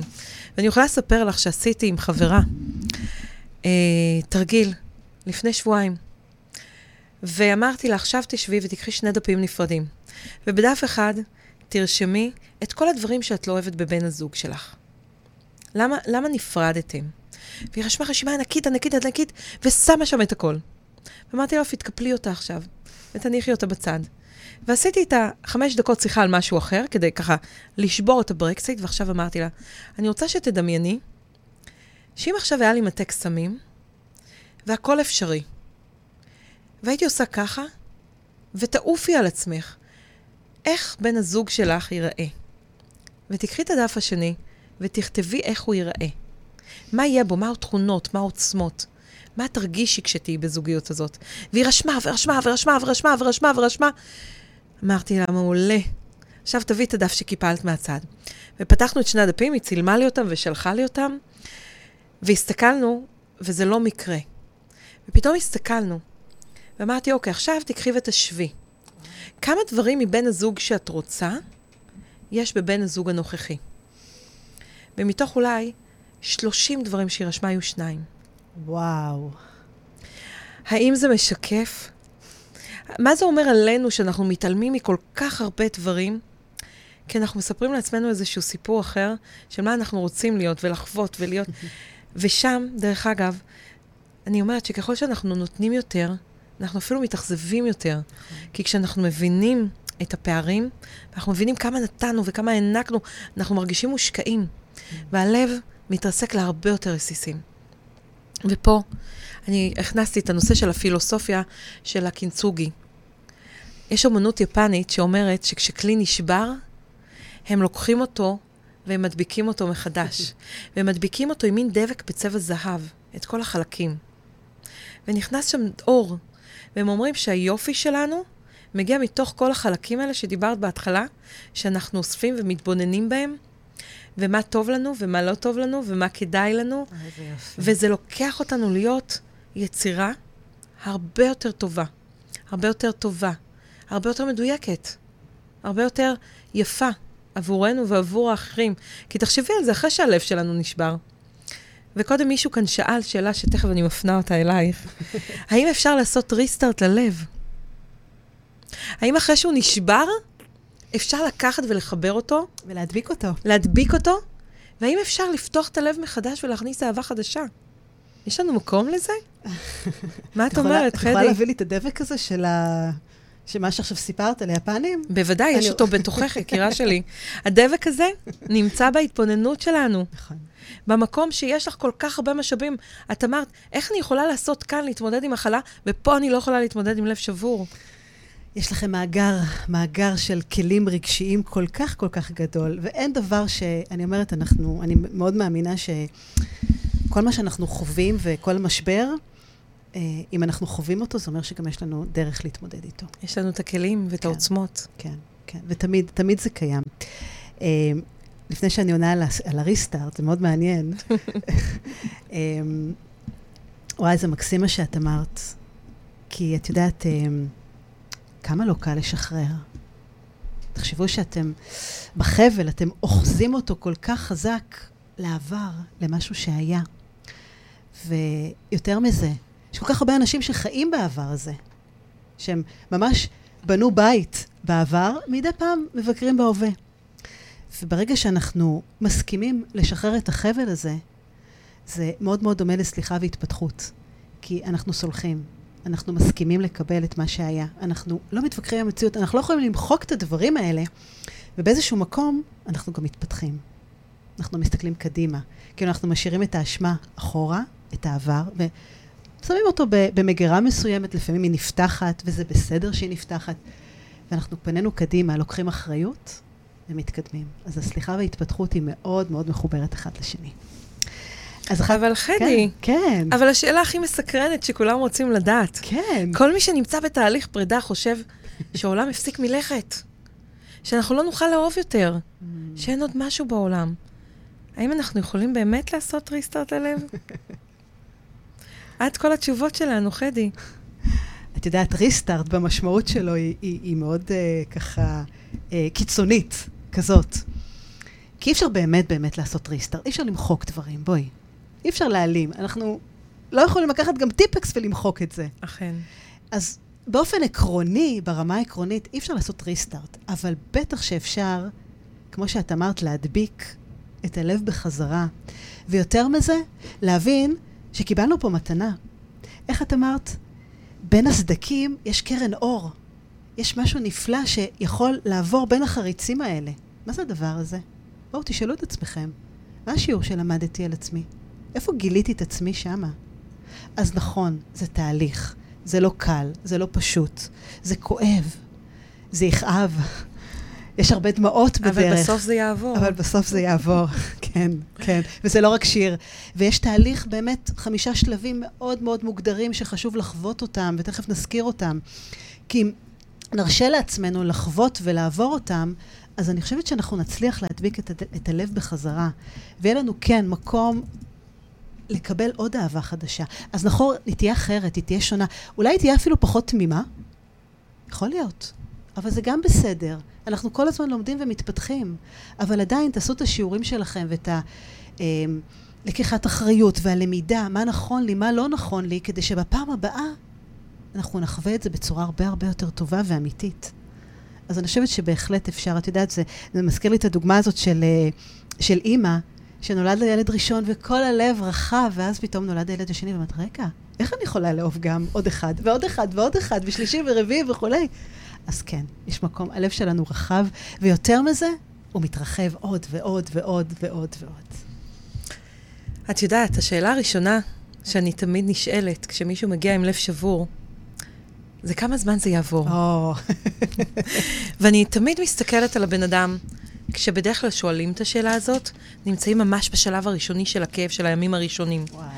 של, ה, של כל המקום הזה, של כל הסערת רגשות, של הכאב, של העוצמות, של האובדן, של כל כך הרבה דברים. ואני מסתכלת על אותו בן אדם, ואני אומרת, זה לא משנה מה אני אגיד שם. נכון. אני לא משנה אם אני אגיד לו שזה ייקח יום, או שבוע, או חצי שנה. אז זה לא משנה אם אני אבטיח שזה יעבור. זה לא משנה אם אני אבטיח שיום אחד הוא יישב ויצחק על איך שהוא התנהג, ואיך שהוא שכב במיטה ואיך הוא בכה. וזה לא משנה אם אני אגיד לו שיום אחד הוא ימצא את עצמו אולי אפילו באהבה הרבה יותר גדולה, והוא לא יבין. באותו רגע אין סיכוי, בדיוק. כן. ואני אומרת, כאן נכנס באמת התהליכי פרידה שלנו. Okay. כל אוקיי. חמשת שלבי האבל שלנו, שאנשים לפעמים רוצים לדלג עליהם, להגיד, אוקיי, תפתרי לי את זה, תלחצי על איזה כפתור, רק שזה ייעלם. בוא אני נדלג. לא רוצה, לה, אני לא רוצה להרגיש את זה. יותר. נכון. בדיוק, בוא, בואי נקפוץ על זה. ואנשים הרבה פעמים עושים במקום הזה הרבה טעויות כדי להדחיק, כדי להכחיש, כדי להתעלם. יש כאלה שדקה אחרי שהם נפרדים, נכנסים לכל מיני אפליק... אפליקציות, יאללה, בוא נכיר מישהו. זה ירגיע לנו את הלב. אולי אנחנו נשכח. אבל הסערה שם היא כל כך גדולה, וכשאנחנו גדולה. לא מאבדים את הרגש, הוא וואי, נשאר שם והוא רק גדל חשוב, זה כל כך חשוב. ומסתובב. נכון. זה כל כך חשוב, החמישה שלבים, ואני רוצה שנדבר עליהם. ואני רוצה, אני קראתי מחקר ש, אה, ש, שאומר כזה דבר, כמה, כמה זמן לוקח לרפא מבחינה מדעית לב שבור? ואז אנחנו נעבור לשלבי האבל. ותראו, יש כל מיני נוסחאות באמת אה, איך לרפא לב שבור, ודיברנו על זה, שלבי אבל, שאנחנו כמובן ניגע בזה. ויש אנשים שאומרים ש... אה, מחצית מהזמן שהייתם ביחד, זה הזמן שבעצם נדרש כדי uh, להתמודד עם, ה, עם הפרידה ולפתח uh, רגשות חיוביים וכולי. יש אנשים שמדחיקים, יש אנשים שהולכים לאכול גלידה וכולי וכולי. זאת אומרת, כל אחד לוקח את זה למקום שלו. והיה מחקר ככה מאוד מעניין ש... שאמר אה, שהוא לקח 155 סטודנטים לתואר ראשון שחוו פרידה בשישה חודשים האחרונים, והתוצאות, שימו לב, כמה זמן לוקח לרפא את הלב. התוצאות הראו ש-77% מתוך קבוצה שנבדקה, לקח 11 שבועות. שבועות. כן, מכירה את המחקר? מרגע הפרידה ועד שהצליחו לייצר רגשות חיוביים ולצמוח מהחוויה ו- ולקבל את השיעורים וכולי. ו- ומה שמדהים באמת, חמישה אחוז שהשתתפו הודו להם שלקח כמה שנים כדי להמשיך הלאה. אה, ולגרושים לוקח הרבה יותר זמן. אה, לבוא ובאמת אה, גם אה, לרכוש את האמון מחדש. אבל אני אומרת, המסקנה הזאת של המחקר הזה, שימו לב שהמדע מצא שיש חיים אחרי אהבה. אני חושבת שזו המסקנה ככה הכי הכי אה, אה, משמעותית. ואני רוצה להתייחס רגע לשאלה של אלי. אלי שאל שאלה. לאחר קשר של שנה, קשר מאוד טוב, בשעת פרידה, נותנים זמן התנתקות, וכל עוד שאנחנו הגברים יוצרים קשר, הנשים מתרחקות עוד יותר. עכשיו, אלי, אני רוצה לענות לך משהו. אני לא יודעת בדיוק את כל הפרטים של מהות הקשר שאתה מדבר, אבל מניסיון שיש לי עם זוגות ומה שאתה אומר, לרוב זה קורה כי הפרידה באה על סמך אה, איזה שהם פערים שיש. יכול להיות פערים בהבנה שלכם, פערים בציפיות שלכם, בתרבות. פערים בתרבות וכולי. ולא מעט פעמים, אנחנו, כשאנחנו יוצרים את הקשר חזרה, אנחנו יוצרים מתוך אהבה, מתוך רצון, מתוך געגוע, כל אחד יוצר מאיזשהו קשר. ואם אנחנו לא מדברים בדיוק באותה שפה של הצד השני, ואם אנחנו לא עונים על החשש, על הפחד, על הצורך של הצד השני, אז זה שהגענו לא אומר שום דבר. זה שהתקשרנו לא אומר שום דבר. אנחנו יכולים לחזר, אנחנו יכולים לבוא, אנחנו יכולים לרצות, אבל אם לא ענינו על מהות הפרידה בעצם, אז בעצם זה איזושהי פנייה שהיא פנייה ריקה, ולא סתם מתרחקים. כאן זה המקום לזהות ולרגע לקחת מקום של לחשוב למה זה קרה. מה, אמר, מה אמר לי הצד השני, מה מהות הפרידה. ולהסתכל שם ולהבין, האם יכול להיות שלפעמים, אני יכולה להגיד לכם שאחוזים מאוד גבוהים של פרידה, בכלל מתבססת על שפות שונות של אנשים. Mm. שהיא נורא רוצה שהוא יגיד לה כל הזמן שהוא אוהב אותה, וזה מחזיר אותי ל... דיברת על זה בתוכנית האחרונה שלך. בתוכנית האחרונה שלי. שפות אהבה. חמש שפות לאהבה. וואו. ואני רוצה להגיד לך שהרבה מקרים מהפרידות שמגיעות אליי, כן. מדברות על שפות לאהבה. שהיא, ששני הצדדים מאוד אוהבים אחד את השני, אבל בסופו של יום, היא כל הזמן רק רצתה שהוא יגיד לה, במילים, אני אוהב, אני אוהב אותך. את חשובה לי. אני רואה אותך. והוא עשה את זה, אבל עשה את זה במעשים. Mm. הוא דאג, הוא הביא, הוא תכנן, הוא סידר. בנתינה. בנתינה. ממקום אחר של שפת שירותים בעצם. אבל, אבל לא כל אחד רוצה, מבין בדיוק לא בשפה שלו. נכון. והיא לא מצליחה להבין כי היא צריכה את זה בשפה שלה. וכשאתה ניגש לבת הזוג, מתוך השפה שלך מנסה לתקן, מבלי להבין את השפה שלה, על מה יושב הכאב שלה, על מה יושבת הפרידה. הרי אם הייתם שנה ביחד, סביר להניח שהיו שם דברים שעבדו, דברים שהם טובים. יכול להיות שהיה רגש, ולא רק התלהבות, כי ההתלהבות הזאת, הכימיה, יורדת אחרי חודשיים-שלושה. זאת אומרת, אם הצלחתם לשרוד עד שנה, יש שם משהו שמחזיק אתכם. אז תבדקו האם השפות, האם אולי באמת יש שם איזה שהם פערים, ואם אנחנו יכולים לענות על הפערים האלה או לא. וזה לא בהכרח איזו טכניקה שאנחנו תמיד אומרים שנשים שפתאום מראים להם שרוצים, הן מתרחקות. כי אישה שאוהבת לא מסתגרת. היא מקבלת את היד המושטת. כי היא מחפשת את הגבר שיילחם, או שיבוא, או שיגיד וכולי, בשפה של אנשים. אבל לילית, לפעמים צריך את הזמן. זאת אומרת, זמן הוא פה גם פקטור מאוד חשוב. לפעמים צריך את הטיימינג בשביל, רגע, כמו שאמרנו, להתבונן, להסתכל. בדיוק. אז אני אומרת, אה, לשאלה של אפי, ההתרחקות הזאת גם היא, יש בה משהו טוב, כי נכון. אתה לומד להכיר את עצמך, מה חשוב לך יותר, מה חשוב לך פחות. האם באמת אתה מוכן להילחם על הקשר הזה?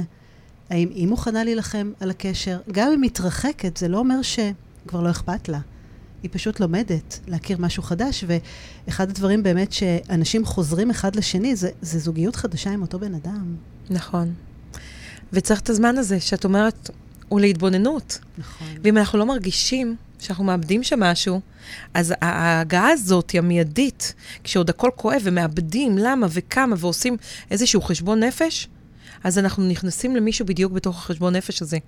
ואין לו זמן להתבונן כמה הוא רוצה, כמה הוא אוהב, כמה טוב, מה היה שם טוב, מה היה רע. מה נכון. ובמשקל הזה. בדיוק. וואו, זה נכון. לילי, בוא נדבר על שלבי האבל, כי זה חלק מאוד מאוד משמעותי בנושא של איך להתגבר על שברון לב, איך להתגבר על אכזבה, פרידה, אובדן, משבר, זעזוע, כל דבר שמוציא אותנו מאיזון. יש חמישה שלבים מוגדרים שאנחנו רוצים להציג בפניכם, כדי שתבינו שחייבים לעבור אותם. את, את, את כל החמישה, כדי באמת להתחיל משהו חדש. זה נכון. עכשיו, כן אני רוצה לציין שבחמשת שלבי האבל, כל אחד עושה את זה בקצב, בקצב שלו. שלו. בכל שלב שאנחנו נמצאים, יש אנשים שעוברים את זה בזמן X ויש בזמן Y. זמן הוא סובייקטיבי. ואין לזה משהו שהוא אה, אה, כזה או אחר שאומר, אם משכתי את זה כאן, אז זה כך, ואם לא, אז לא... אל תסתכלו על המחקר שהזכרנו לא. קודם, זה לא רלוונטי. זה משהו, אני אומרת, זה זמן סובייקטיבי. זה לא כן. שעכשיו כן. השעה לא משנה מה, בצורה מאוד מאוד מדויקת, זה לא זמן אובייקטיבי, זה זמן סובייקטיבי נכון, בדיוק, שלכם. אוקיי. בדיוק. אז השלב הראשון הוא הכחשה. כשהפרידה קורית לנו, אנחנו נמצאים בהכחשה מוחלטת. זה לא קרה לי, זה כן קרה לי, הוא כן יחזור, היא לא תחזור. זה עוד שנייה, זה לא. זה כן היה טוב, זה לא היה טוב. לא אכפת לי, כן אכפת לי. ומשהו בהכחשה הזאת לא נותן להתמודד עם שום דבר. כי לרגע אנחנו לא מתעמתים עם האמת. אנחנו נשארים במקום שזה לא קרה, זה לא קורה. אולי זה יחזור, אולי זה לא היה צריך לקרות. והמקום הזה, זה בסדר. כי בדיוק במקום הזה, אנחנו יושבים ואנחנו מתחילים להציף המון המון דברים. אנחנו מתחילים להסתכל גם על הסיפורים שאנחנו מספרים לעצמנו. אני יכולה לספר לך שגם אני, כשעברתי את הפרידה שלי, לקח לי שבועיים לספר בחוץ שנפרדנו. וואו. כי הייתי במין הכחשה כזאת של, מה פתאום? זה לא קרה. לא יכול להיות, זה לא קרה. זה לא קרה. זה עוד שנייה יסתדר, הכל יהיה בסדר. וכאילו, אתה אומר, לא, לא, לא, לא, אני, אני בכלל לא מוציא את זה החוצה. ו, ונשארתי עם זה ככה. כי כשאת מוציאה את זה החוצה, יש לזה חותם, זה כבר אמיתי. זה, זה, זה קורה. זה מקבל משמעות מאוד מאוד אמיתית, בדיוק, לגמרי. זה כאן ועכשיו. והשלב הזה של ההכחשה, הוא שלב של התמודדות. והוא השלב הראשון שלנו. ומשם, אחרי שאנחנו איפשהו אה, אה, מבינים את כל הדברים, ופתאום מבינים שזה קרה, מגיע הכעס. כן. על מה אני עשיתי, מה הוא עשה. למה? כמה? פתאום יש שם כל כך הרבה התחשבנות, יוצא הפנקס הזה של מה אני עשיתי, מה הוא עשה, מה נתתי, מה הוא נתן, מה החזיר, לא החזיר. אני הייתי, אני עשיתי. נכון. והכעס הזה מנהל אותנו. את יודעת, זה גם כעס כלפי אנשים שלא קשורים לזה, כן? זה כעס כלפי העולם. בדיוק. זה כעס כלפי אנשים שלא לא, לא קשורים בכלל לעניין הזה. אנחנו פשוט כועסים, כועסים ויורים לכל עבר. למה? כי אנחנו לא קיבלנו את מה שרצינו באותו רגע, כי אנחנו מרגישים תחושה של אי צדק, ואנחנו בזעקה כזאת של מין הצילו, ואנחנו לא רואים שום דבר ממטר. אז זה השלב השני. בדיוק. ואנחנו נמצאים שם בכעס ענקי. נכון. כועסים על הכל. למה זה בכלל קרה? למה אני? למה, למה זה, זה קורה לי? לי? למה נכון? זה מגיע לי בכלל? מאיפה זה הגיע בכלל? זה לא אחרי לא מי זה ומה, לא וכמה אני עושה ליקום, ולמה אני? והכעס הזה הוא תהליך גם של התבוננות. הוא כל כך מדויק לנו, כל כך טוב לנו להרגיש את הכעס הזה. כי הוא שוב עושה לנו התבוננות של חשבון נפש, של מה כן, מה לא, מה טוב, מה לא נכון. טוב, ולהסתכל על הדברים בצורה אחרת. אפילו שהיא אחרת. תשימו לב איך אנחנו עוברים דרך כל השלבים האלה וחווים אותם, איך דיברנו קודם על להתבונן ברגש, להרגיש אותו, לחוות את הרגש הזה של השברון לב ולהיות בו. אז פה באמת זה מאפשר לנו, מין, את יודעת, כזאת עם... אמ, אני אומרת, מסלול כזה, מסלול מכשולים אמנם, אבל, אבל הוא מאפשר לנו לעבור, לעבור דרכו. וזה גם עונה לשאלה של אלי. כי נכון. בשלב הראשון שאנחנו בהכחשה, אנחנו מתבצרים. Mm. בשלב השני, אנחנו כועסים ולא רוצים שאף אחד ידבר איתנו. נכון. והשלב השלישי, זה זמן המיקוח. Mm. גם שלנו עם עצמנו. המאבק עצמו. בדיוק. זה כמו שתמר כתבה קודם. זה צריך להיות, לא צריך להיות. נכון. זה צריך להיגמר, לא צריך להיגמר. אולי עשיתי טעות, אולי לא. אולי הייתי פזיז, אולי לא. ויש שם כל מיני כאלה דיאלוגים פנימיים של אולי ניתן לזה עוד צ'אנס, אולי אני אנסה, אולי אני אעשה לייק, mm. אולי אני אבדוק, אולי אני אפגוש אותו בסופר. אולי רק את זה. אולי רק את זה. וואו, את יודעת, אולי זה מה... אולי, כן. זה יעביר לנו את כל הכעס והכאב הזה. ירקך. את יודעת, זה, אתם יודעים, זה מאבק של ראש ורגש. זה ממש המאבק הזה בין השכל שאומר לך, טוב, הבנתי, היא פגעה בי, קדימה, בוא נמשיך הלאה. אבל זה לא עובד. זה לא משפט שאפשר ככה לצאת איתו ו- ולעבור הלאה. כי יש המון המון רגשות, זה כואב לי, והרגש מתעתע, ואנחנו כל הזמן עם המחשבה והרגש, ו-if you cannot beat him, join, join them. them. כן. בדיוק.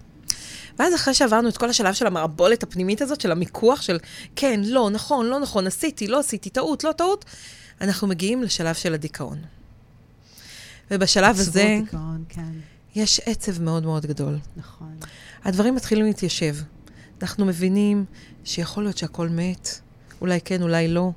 הרבה פעמים אנחנו מוצאים את עצמנו שוכבים בבית, ואין לנו כוח אפילו לא לעשות את הכלים, נכון. לא לעשות מטלות, לא בא לנו לצאת לעבודה, לא בא לנו לראות חברים, לא בא לנו שום דבר.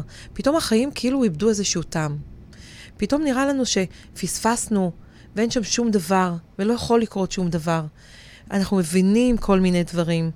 ואנחנו נמצאים במין מקום כזה, שאני אומרת, זה, זה לא ממש חיים, זה צפים. זה צפים לכל המקומות. והחלק הזה של הדיכאון הוא מאוד מאוד קשה. כל אחד לוקח את זה בעוצמות אחרות, בזמנים אחרים, במשקל אחר, כל אחד נותן לזה משהו אחר. הדיכאון הזה, זה גם כל התחושת החמצה והכישלון. נכון. וכל התחושות האלה שמתערבלות ואומרים, אני הייתי טוב, אני לא טוב, מה עשיתי, לא עשיתי. פתאום הכל מתחבר ואנחנו מרגישים ממש נמוכים. האנרגיות שלנו ברצפה, ברצפה, ברצפה. ואחרי שאנחנו רגע, עוברים... רגע, לפני שאנחנו מסיימים את הדיכאון, את, את הדיכאון, את העצבות, את יודעת, אני רואה את זה כמקום של uh, ניקיון. כי הוא באמת השלב ככה שמסכם את כל הרגשות המעכבים, והוא מנקה אותנו. תשימו לב איך עברנו ככה במסלול הזה, ובאמת עם ה... כמו שאת אמרת, עם ההדחקה וההכחשה והכעס והמאבק והדיכאון והעצבות, ולהיות בכל ה... הדבר הזה שהוא לא פשוט, כן? זה, זה באמת באמת לא פשוט, אבל כמה הוא מנקה אותנו, כמה הוא מאפשר לנו להגיע באמת לשלב האחרון. ואת יודעת, אני תמיד מדמה את זה באמת, שאת, כשאנחנו חווים איזה משבר, אנחנו שוקעים, שוקעים למטה, כמו בים סוער בקרקעית, ו... כשאנחנו עוברים לאט לאט את השלבים, אנחנו מגיעים לדיכאון ואנחנו צפים. ובזמן הזה אנחנו מסתכלים ומתבוננים ובוחנים ורואים כמה שזה קשה, אנחנו מסתכלים ורואים אולי לאט לאט את האופק בקצה המנהרה. עוד לא שם, אנחנו גם לא יודעים איך להגיע אליו, אבל באיזשהו מקום יש פתאום ככה איזה קרן אור כזאת שמאפשרת לנו לראות דברים מעבר. ולא סתם, שנייה אחרי הדיכאון מגיע השלב של הקבלה. נכון. כי אחרי ששקענו שם בבוץ הזה, בלא נעים הזה, בכל הרגשות האלה, ש, שהורידו אותנו, והיינו שם איפשהו נמוך, נמוך, נמוך. ואז פתאום, אחרי שהתבוננו בכל המקום הזה, איפשהו יש קרן אור קטנה. נכון. והקרן אור הקטנה הזאת, זה המילה הקטנה הזאת שאנחנו אומרים לעצמנו לרגע, יהיה בסדר. הכל יהיה בסדר גם כשזה עוד לא בסדר. זה השלב של הקבלה, שאנחנו אומרים שאנחנו יכולים להמשיך מכאן הלאה, שזה כן. הזמן להתקדם, שזה הזמן לקבל את הסיטואציה, וזה החיים וזה המצב. ואנחנו אומרים את המשפט הזה לעצמנו, שיהיה בסדר, זה משהו שמרים אותנו, נותן לנו תקווה נכון. לזה שיש לנו את המסוגלות, את הכוח, את היכולות, את העוצמות, לקחת את עצמנו קדימה ולצאת מהמקום הזה. לקבל את השברון לב, את הפרידה, את האבל הזה. וזה לא מתייחס רק לאהבה. השלבים שאנחנו מדברים עליהם, חמשת שלבי האבל מתייחסים לפרידה. מתייחסים לאובדן של מישהו קרוב, בין אם במוות או בין אם בפרידה. נכון. אנחנו עוברים בדיוק את אותם שלבים בכל הסיטואציות של פרידה. והקבלה היא משהו מדהים, כי אז מתחיל כל, ה, כל הניצוצות הקטנים האלה של האור, שאנחנו רק רוצים להושיט את היד ולגעת בהם. עכשיו אנחנו בונים את הפאזל. בדיוק. זה לפעמים המשהו הזה פתאום שמגיע, החבר הזה שמזמין, הדבר הזה שיצאנו, החיוך הזה שמשהו גרם לנו.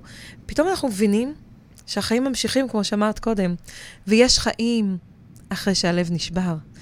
והאור הזה של הקבלה, זה בדיוק האור שמאחה את השברים. זה האור שאוסף את כל החלקים של הלב לאט לאט ומקבץ אותם חזרה. מדביק אותם. ומדביק אותם ובונה וואו. את הלב שלנו מחדש. איך אני רואה את התמונה הזאת מול העיניים? יש בשלב הזה הרבה השלמה, יש הרבה סליחה שמה, ושחרור וקבלה, והבנה והכלה, ובאמת, זה השלב שאני חושבת מוביל אותנו לחוף. לדרך לחוף, החדשה. לחוף המבטחים, לדרך חדשה. למה שאת אמרת, שכשאנחנו משחררים משהו, אנחנו מאפשרים למשהו חדש להיכנס. נכון, להתפתח ולגדול בדיוק. ולצמוח. בדיוק. וואו. אז קחו את זה, באמת, אה, תשימו לב איפה אתם נמצאים. אה, יש אנשים שפתאום, ברגע שהם הבינו את השלבים האלה, פתאום אמרו, וואי, אני תקוע כבר, אני, אני תקוע כבר כמה שנים בכעס.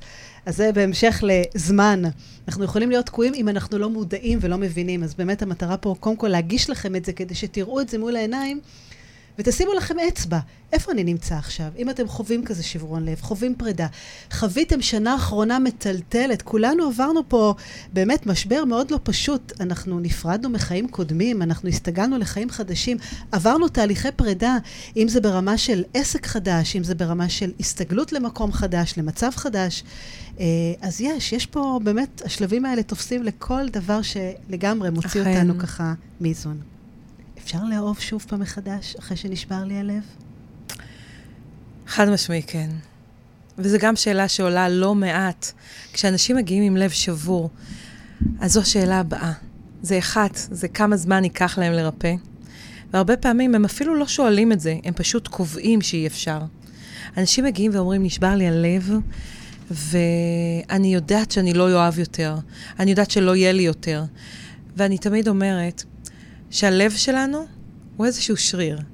גם אם כרגע הכל חסום וכואב, אנחנו עוטפים את הכל במגננות ובהגנות, כי פתחנו את הלב והוא נשבר, אז אני רוצה להגיד לכם, הלב שלנו שומר גם את הזיכרונות הטובים וגם המוח שלנו. זאת אומרת, הרגש הזה שנגע בנו, נמצא בתוכנו. ואני רוצה לתת לכם תרגיל אחד קטן במקום הזה. כשבן אדם מגיע אליי מאוד שפוף ואומר, אני לא אוהב לעולם, אני לא מרגיש אהבה יותר, אני לא מרגיש שהלב שלי יכול לחוות אהבה. ואז אני אומרת לו, תעצום עיניים. תיזכר בחוויה טובה שהייתה לכם, אפילו בזוגיות האחרונה, שאתה הגדרת כמשהו שהרס לך את הלב, או שבר לך את הלב. ותן לי משהו אחד שהיה שם טוב ושמחת וחייכת. וכשאנשים עושים את זה בעיניים עצומות, זה בעצם מקפיץ לנו איזה זיכרון מהמוח. וזה משפיע על כל הגוף, כי פתאום מכעס מאוד גדול ומחוסר אמון וספקנות, פתאום אתם רואים מישהו יושב שם ומספר על הסיטואציה, והסיטואציה הרי זה זיכרון שקופץ מלווה ברגש, ופתאום עולה שם איזה חיוך גדול, ואז אני אומרת, בדיוק כאן, שימי יד על הלב. את רואה, הלב שלך עדיין מרגיש ואוהב. הוא יודע לעשות את זה. הגוף שלנו זוכר את זה. הראש שלנו זוכר, המוח, הלב, כל חלק בגוף שלנו זוכר איך אוהבים. אנחנו קצת מכסים כי אנחנו נפגענו.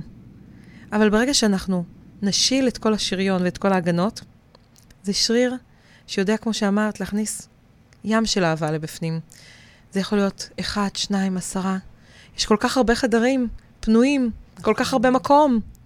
אז חד משמעי, תמיד אפשר לאהוב מחדש. אנחנו רק צריכים לרצות. הכל מתחיל מפה.